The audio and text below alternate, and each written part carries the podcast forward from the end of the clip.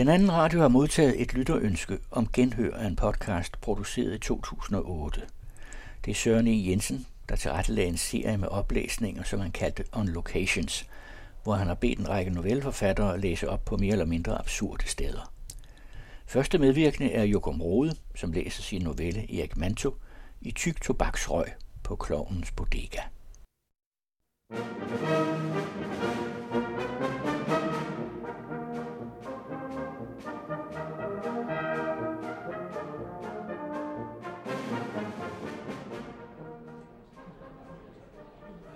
Erik Manto. På en martsdag blev jeg båret ud af byen af vinterens sidste storm. Fra den umærkelige dalsænkning, der omgiver Nørrebro station, blæstes jeg op ad bakkerne, der bølger ud mod Brøndshøj. Jeg var som et sidste løvblad fra efteråret, hvis spor skulle viskes bort før det friske forårs komme. Bag mig og foran mig så jeg andre, der led samme skæbne. Ja, vi var flere fortogsoffre, der føg afsted ud af Frederikssundsvej, uendelige Frederikssundsvej og væk. Hver gang jeg forsøgte at gribe fat i et gadegelænder eller døren til en kaffebar, puffede et voldsomt vindstød mig videre. Onde regnskyer hang over mig som sorte, overvågende fugle, der hvert øjeblik kunne dykke ned fra himlen og tage mig ind i døden. Vi skulle væk, os knuste mænd. Vi skulle helt væk. Men på Husum Torv lykkedes det mig at gribe fat i kabinen ved et busstoppested, og til mit store held stansede en bus foran mig i samme nu. Jeg sprang på, betalte i klingende mønt og satte mig forpustet og stirrede op i vinterhimlen.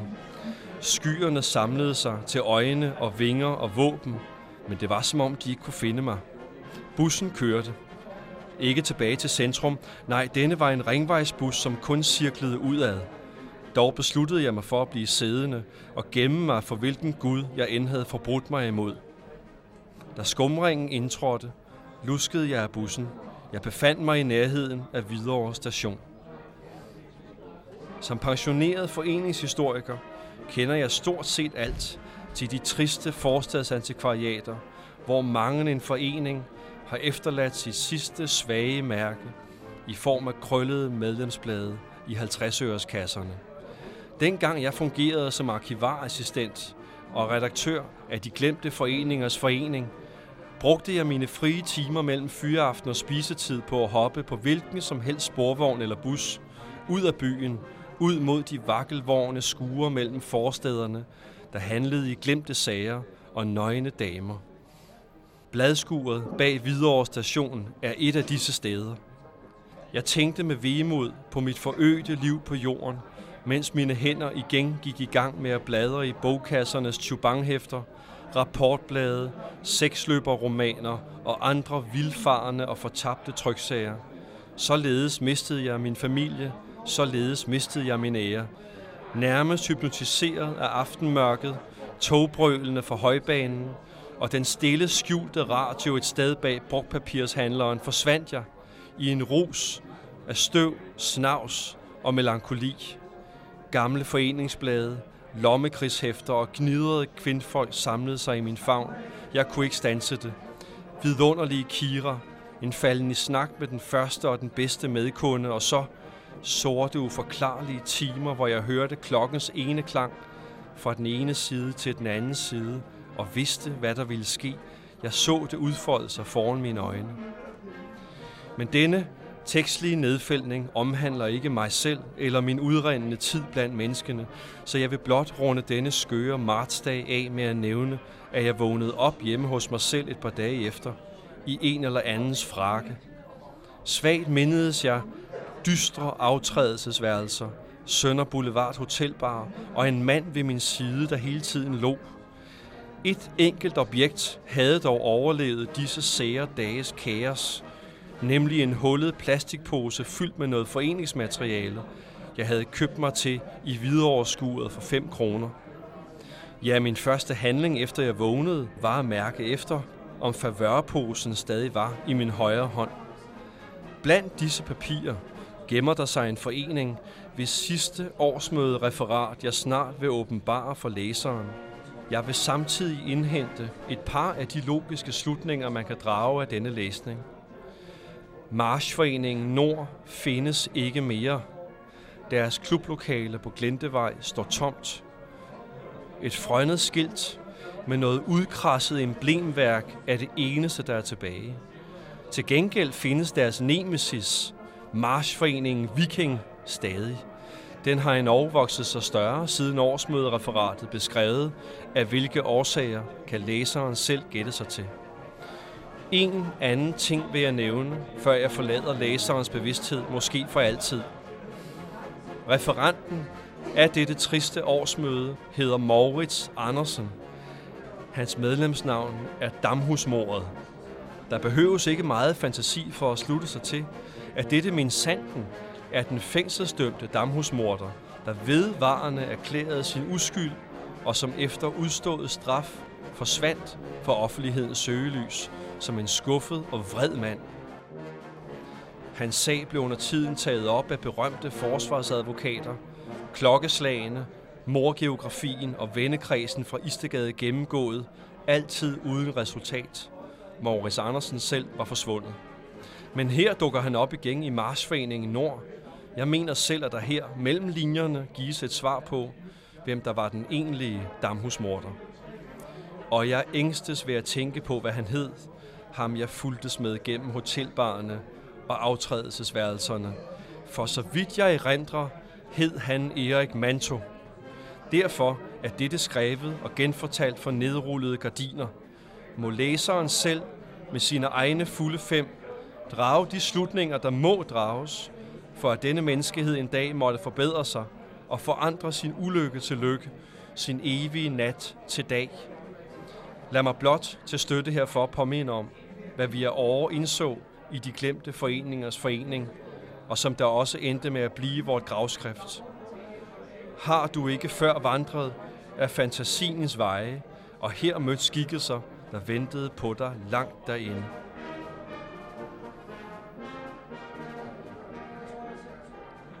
Marchforeningen Nord, referat fra årsmødet 31. januar 1996.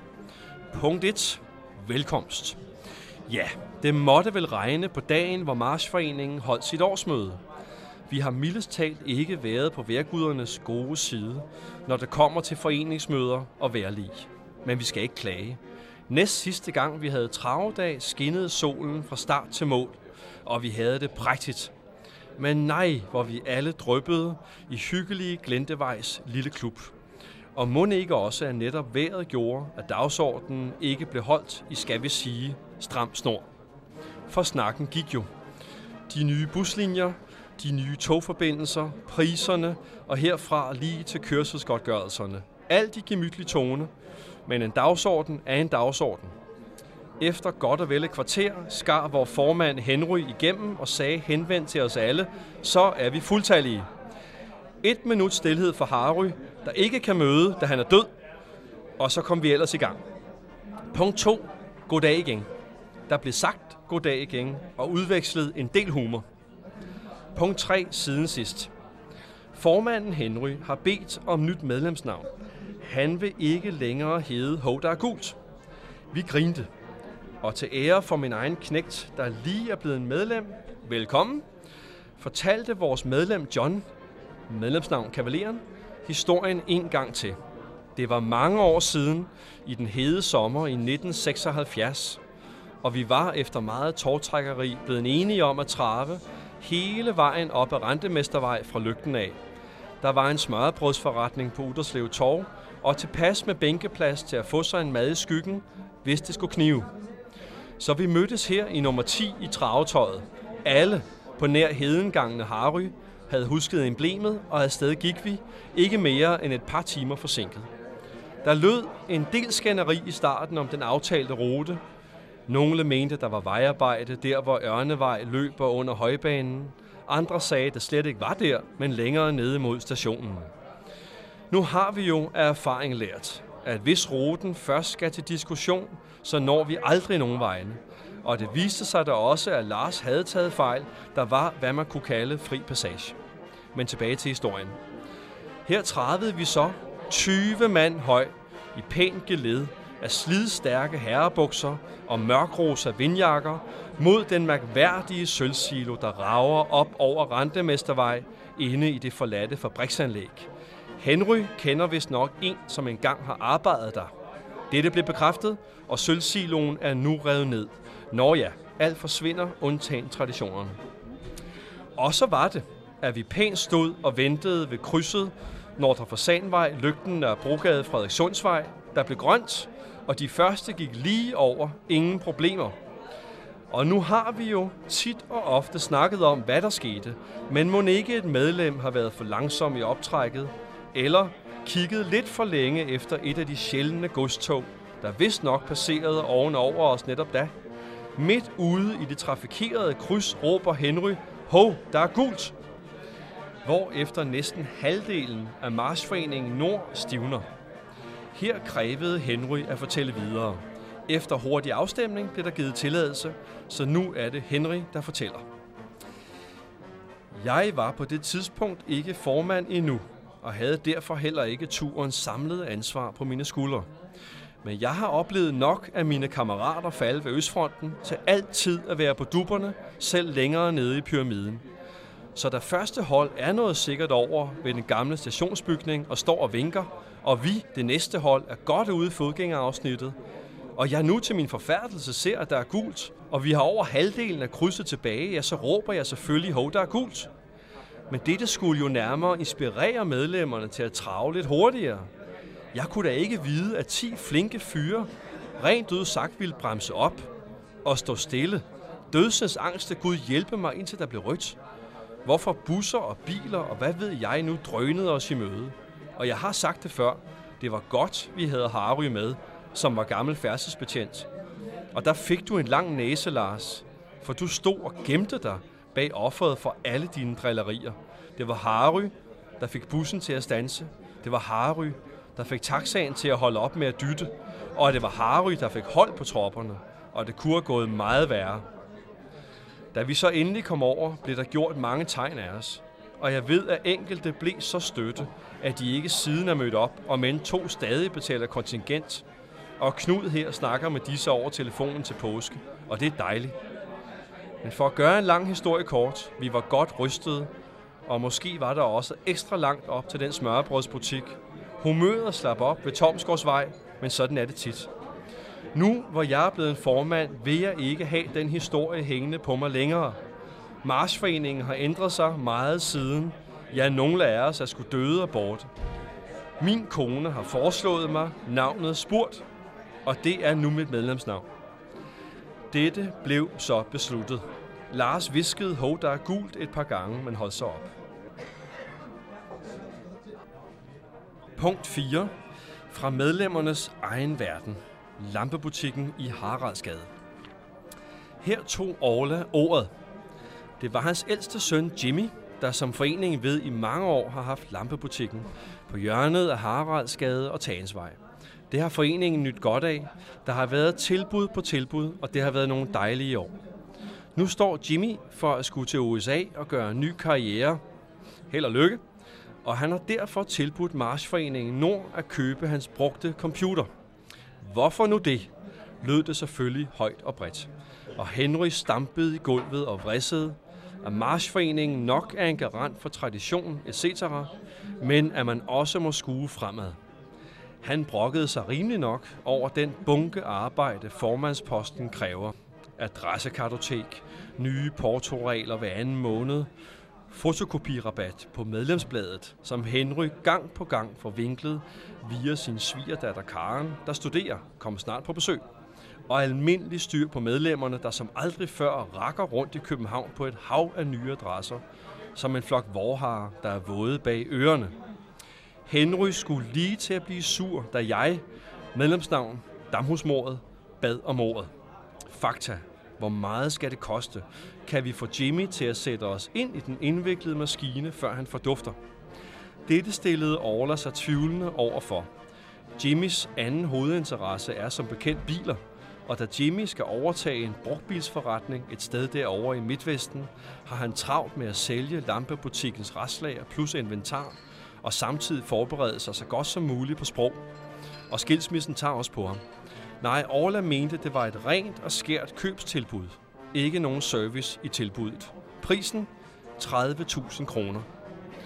Nu blev der meget stille, og Lars, som vi ellers kun hører sjove ting fra, sagde meget vredt, at det er en klar overpris, da skærm og kasse og printer og det hele sagtens skal fås for 15.000 kroner, hvis man køber det i et af de store varelager uden for byen. Lars er en af de få af os, der stadig har kørekort, så han ved nok, hvad han snakker om. Orla blev sur og sagde, at Jimmy var meget glad fra Marsforeningen Nord. Her afbrød gamle Ole og sagde, det tror sgu fanden med alle de lamper, vi har købt af ham. Medlemmerne grinte dog ikke Orla. Nej, Orla sagde, så kan det også være lige meget. Henry skældte ud på Lars og på Ole og krævede formandsløn, hvorefter alle krævede fulde kørselsgodtgørelser, og det er ikke til at sige, hvad det kunne have ind med, hvis ikke næste punkt på dagsordenen samlede tropperne. For vi er blevet kontaktet af vores ærkerivaler, Marsforeningen Viking. De vil slå pjalterne sammen med os og lave en fælles sommerekskursion med tog og det hele. Læs punkt 5 herom. Punkt 5. Marsforeningen Viking. Det tog nogen tid at skære sig gennem den tykke høst af tilråb og skældsord, der nu fyldte det dejlige klublokale. Men snart kom der der nogenlunde ro, og kun Ibs beskrivelse, falske kammerater, hang nu ved. Spurgt, hvad han egentlig mente med, at Marsforeningen Viking var en bande falske kammerater, kunne han kun gentage det samme. Ja, jeg mener simpelthen det, jeg siger. De er nogle falske kammerater. Og herved blev det. Den aktuelle situation er, at Lars var på svigertur med en gammel kollega. Sanssouci, damer og det hele. De endte på en krog ude i Hvidovre. Ja, netop, den med dart. Lars vedgår gerne, at de var plimrede, og at det faktisk er den eneste omgangsform, han kender med den gamle kollega. Denne er nemlig et forrådet menneske, voldelig og ond, og Lars er bange for ham, når han ikke er fuld. Og det viser sig da også, at vennen her, ja lad os bare få et navn på ham, Erik Manto. Ja, Erik Manto kom straks i snak med en broget flok herrer oppe på første salen, hvor skiverne hænger. Nå, de endte med at tage nogle spil sammen, Lars Erik og den her flok mænd. En af de mænd var vores gamle formand, Thor Bøgelund. Lars fortæller videre. Lille Thor hæv mig til side og sagde, at han godt vidste, hvem jeg var. Nå ja, det er der jo så mange, der gør, svarede jeg. Jeg er jo fræk, det ved alle. Nå ja, Lars, men jeg kender nogle af dine vaner og uvaner, sagde han så. Nå for søren, ja ja. Vi stod lidt og pirkede til hinanden på den måde, indtil han fortalte, hvem han var og hvad han vidste. Det viser sig, at Thor stadig får fingrene i vores klubblad. Han kender vores nuværende koder, og han vidste endda, hvornår dette møde skulle finde sted. Thor sagde så, at han var fungerende formand for Marsforeningen Viking, og at Erik Manto også var medlem. Ja, nu var det så, vores lille forening måtte gå bagud i historien, hvorfor vores ældste medlem, Hansi, tog over. Jeg takker formanden for ordet, og jeg vil gerne bede forsamlingen om at acceptere, at det, jeg fortæller nu, er lige dele formodninger, fakta og erindring. Vores to foreninger, af hvilken Viking ligger nede på Nordre Fasanvej over for Novo Nordisk, var jo engang én forening, og den hed Marsforeningen Nord. Vi har senioritet, mine herrer. Klapsalver. Dengang var vi over 30 medlemmer, glade drenge til håbe, flittige og i fin form. Det var i sporvognene og svejernes dage, og fremtiden var lys. Vi var med andre ord i starten af 60'erne. Det var dejlige år, og jeg ville ønske, at vi kunne få dem igen. Thor og jeg var formand og næstformand, og vi sås også privat. Vores rakken rundt begrænsede sig ikke kun til København og omegn. Nej, nogle gange havde vi også konerne på slæb, og så gik turen til Liverpool og den flotte engelske østkyst med færge fra Esbjerg. Nå, alt det her kun for at pointere Thors mærkværdige forandring, da vi på færgen hjem fra England mødte en mand, med hvem han alt for hurtigt indledte den mest intime samtale. Vores koner var gået til køjs, to og jeg sad og lyttede lidt til musikken, men der var ikke lagt op til meget mere end nogle ekstra fadøl. I den her herres selskab blev Thor pludselig energisk og som sagt intim. Jeg skulle være blevet, jeg har tit og ofte bebrejdet mig selv min vankelmodighed, hvad søren, jeg var ikke fyldt 40. Jeg kunne sagtens have fulgt dem til dørs. Men gad vide, om jeg i grunden ikke passede på mig selv, på min kone, på de børn, vi skulle have, ja, på mit liv og min forstand.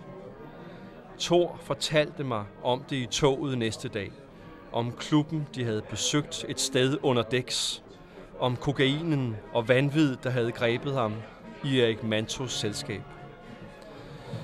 Jeg fik ham til at love mig, at de ikke mere skulle ses. Og Dorit, hans daværende kone, syntes også, at han så sløj ud.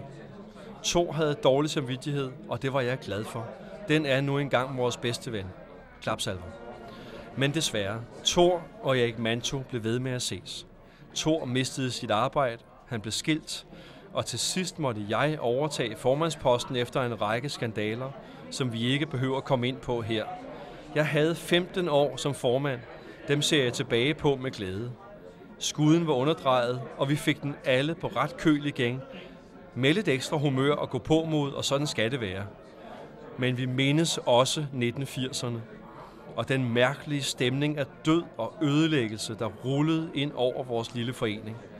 Den depression og fortvivlelse, der som et uvær ruskede i vores årsmøder og sendte nogle af jeres hovedkuls ind i problemer på hjemmefronten og i vores daglige virke. De fleste af jer var ikke medlemmer dengang, og det er på grund af jer og jeres friskhed, at jeg tør fortælle forsamlingen her i dag, at det var grove løjer. Vi havde det i fællesskab som et sort hav var steget op gennem alle vores glade minder og dage, og nu fossede ind i en hver afkrog af ro og lykke, vi havde tilbage. Indtil mødet blev ophævet, og vi sad og hev efter vejret og frygtede at gå tilbage til vores ægteskab, vores børn, vores liv. Hvad skete der egentlig dengang i 1986? Erik Manto. Erik Manto skete. Magikeren, satanisten, illusionisten Erik Manto. Og vi blev først en forening igen, efter at en stor bid af vores medlemskar var faldet fra, og havde dannet Marsforeningen Viking med Thor Bøgelund som formand. Ha! Nej, med Thor Bøgelund som det stakkels vrag, han var blevet, og så Erik Manto ude i kulisserne som dukkefører for hele dette triste menageri af hypnotiserede robotter, der valgte udflugtsmål efter Eriks vanvittige og morbide smag. Nu dukker han så op igen. Thor og Erik møder hinanden tilfældigt på en kro med dart ude i Hvidovre. Lars er tilfældigvis med, og ham og Erik falder i snak tilfældigvis. Nu vil jeg overlade ordet til Lars igen, men jeg vil dog sige dette. Vi skal være varsomme med Manto. Han er djævlen selv. Lars genoptog så sin historie. Snart befandt jeg mig som passager i en bil, der fræsede ud af tredje ringvej. Manto sad ved siden af mig på bagsædet. Hans svedige ansigt glinsede i skinnet fra de modkørende biler. Tor og en gal kvinde sad op og foran og rev i rettet. Vi kørte hele natten og kom til et øde sted.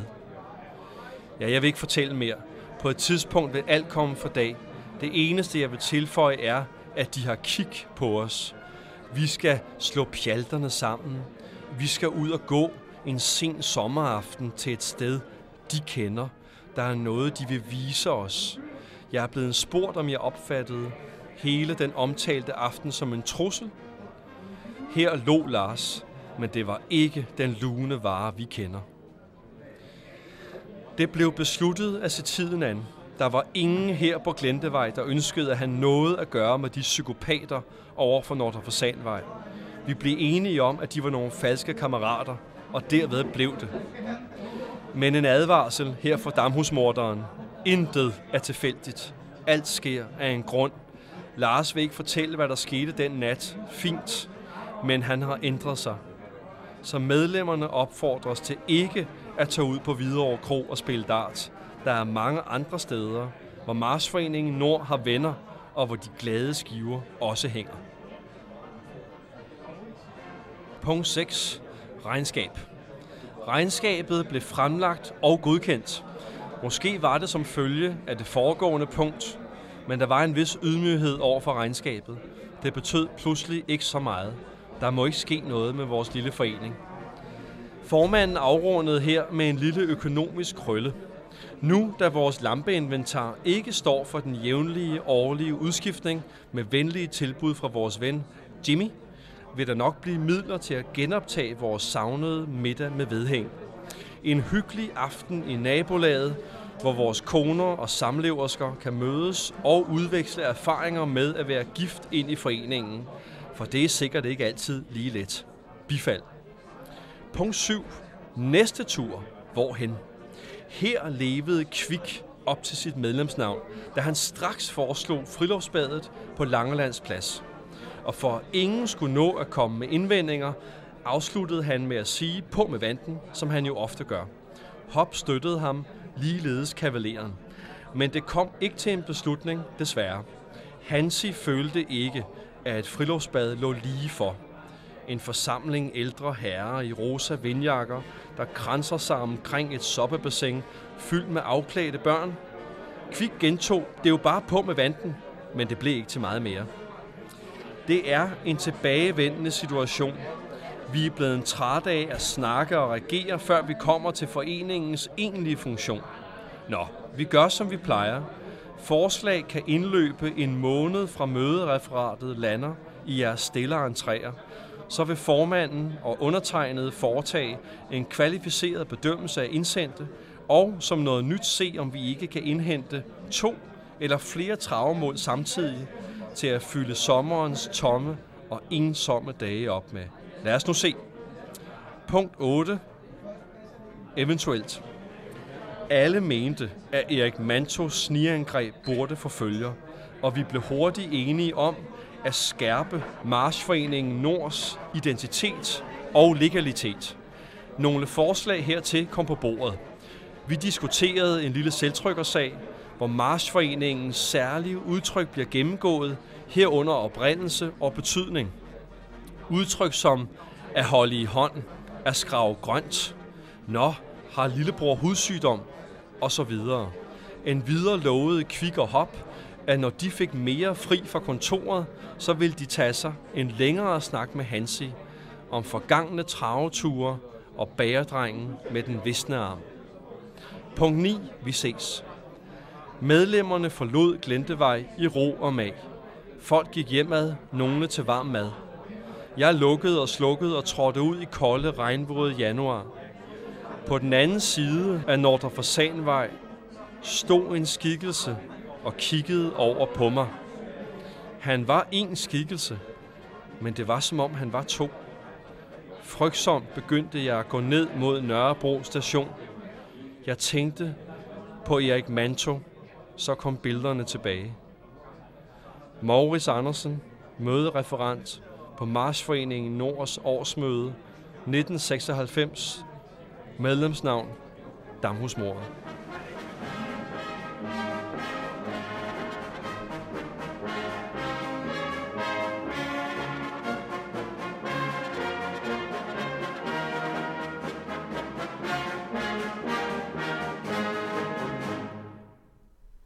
Vi hørte Joachim Rode læse sin novelle Erik Manto i en optagelse fra Klovnens Bodega, som ligger i Renshavsgade på Nørrebro i København. Novellen stammer fra samlingen Løbenlandet, som er udkommet på forlaget Tidernes Skifter, og det var Søren E. Jensen, som havde tilrettelagt. Og lytterne kan til enhver tid skrive til os med andre ønsker om genhør af tidligere podcasts.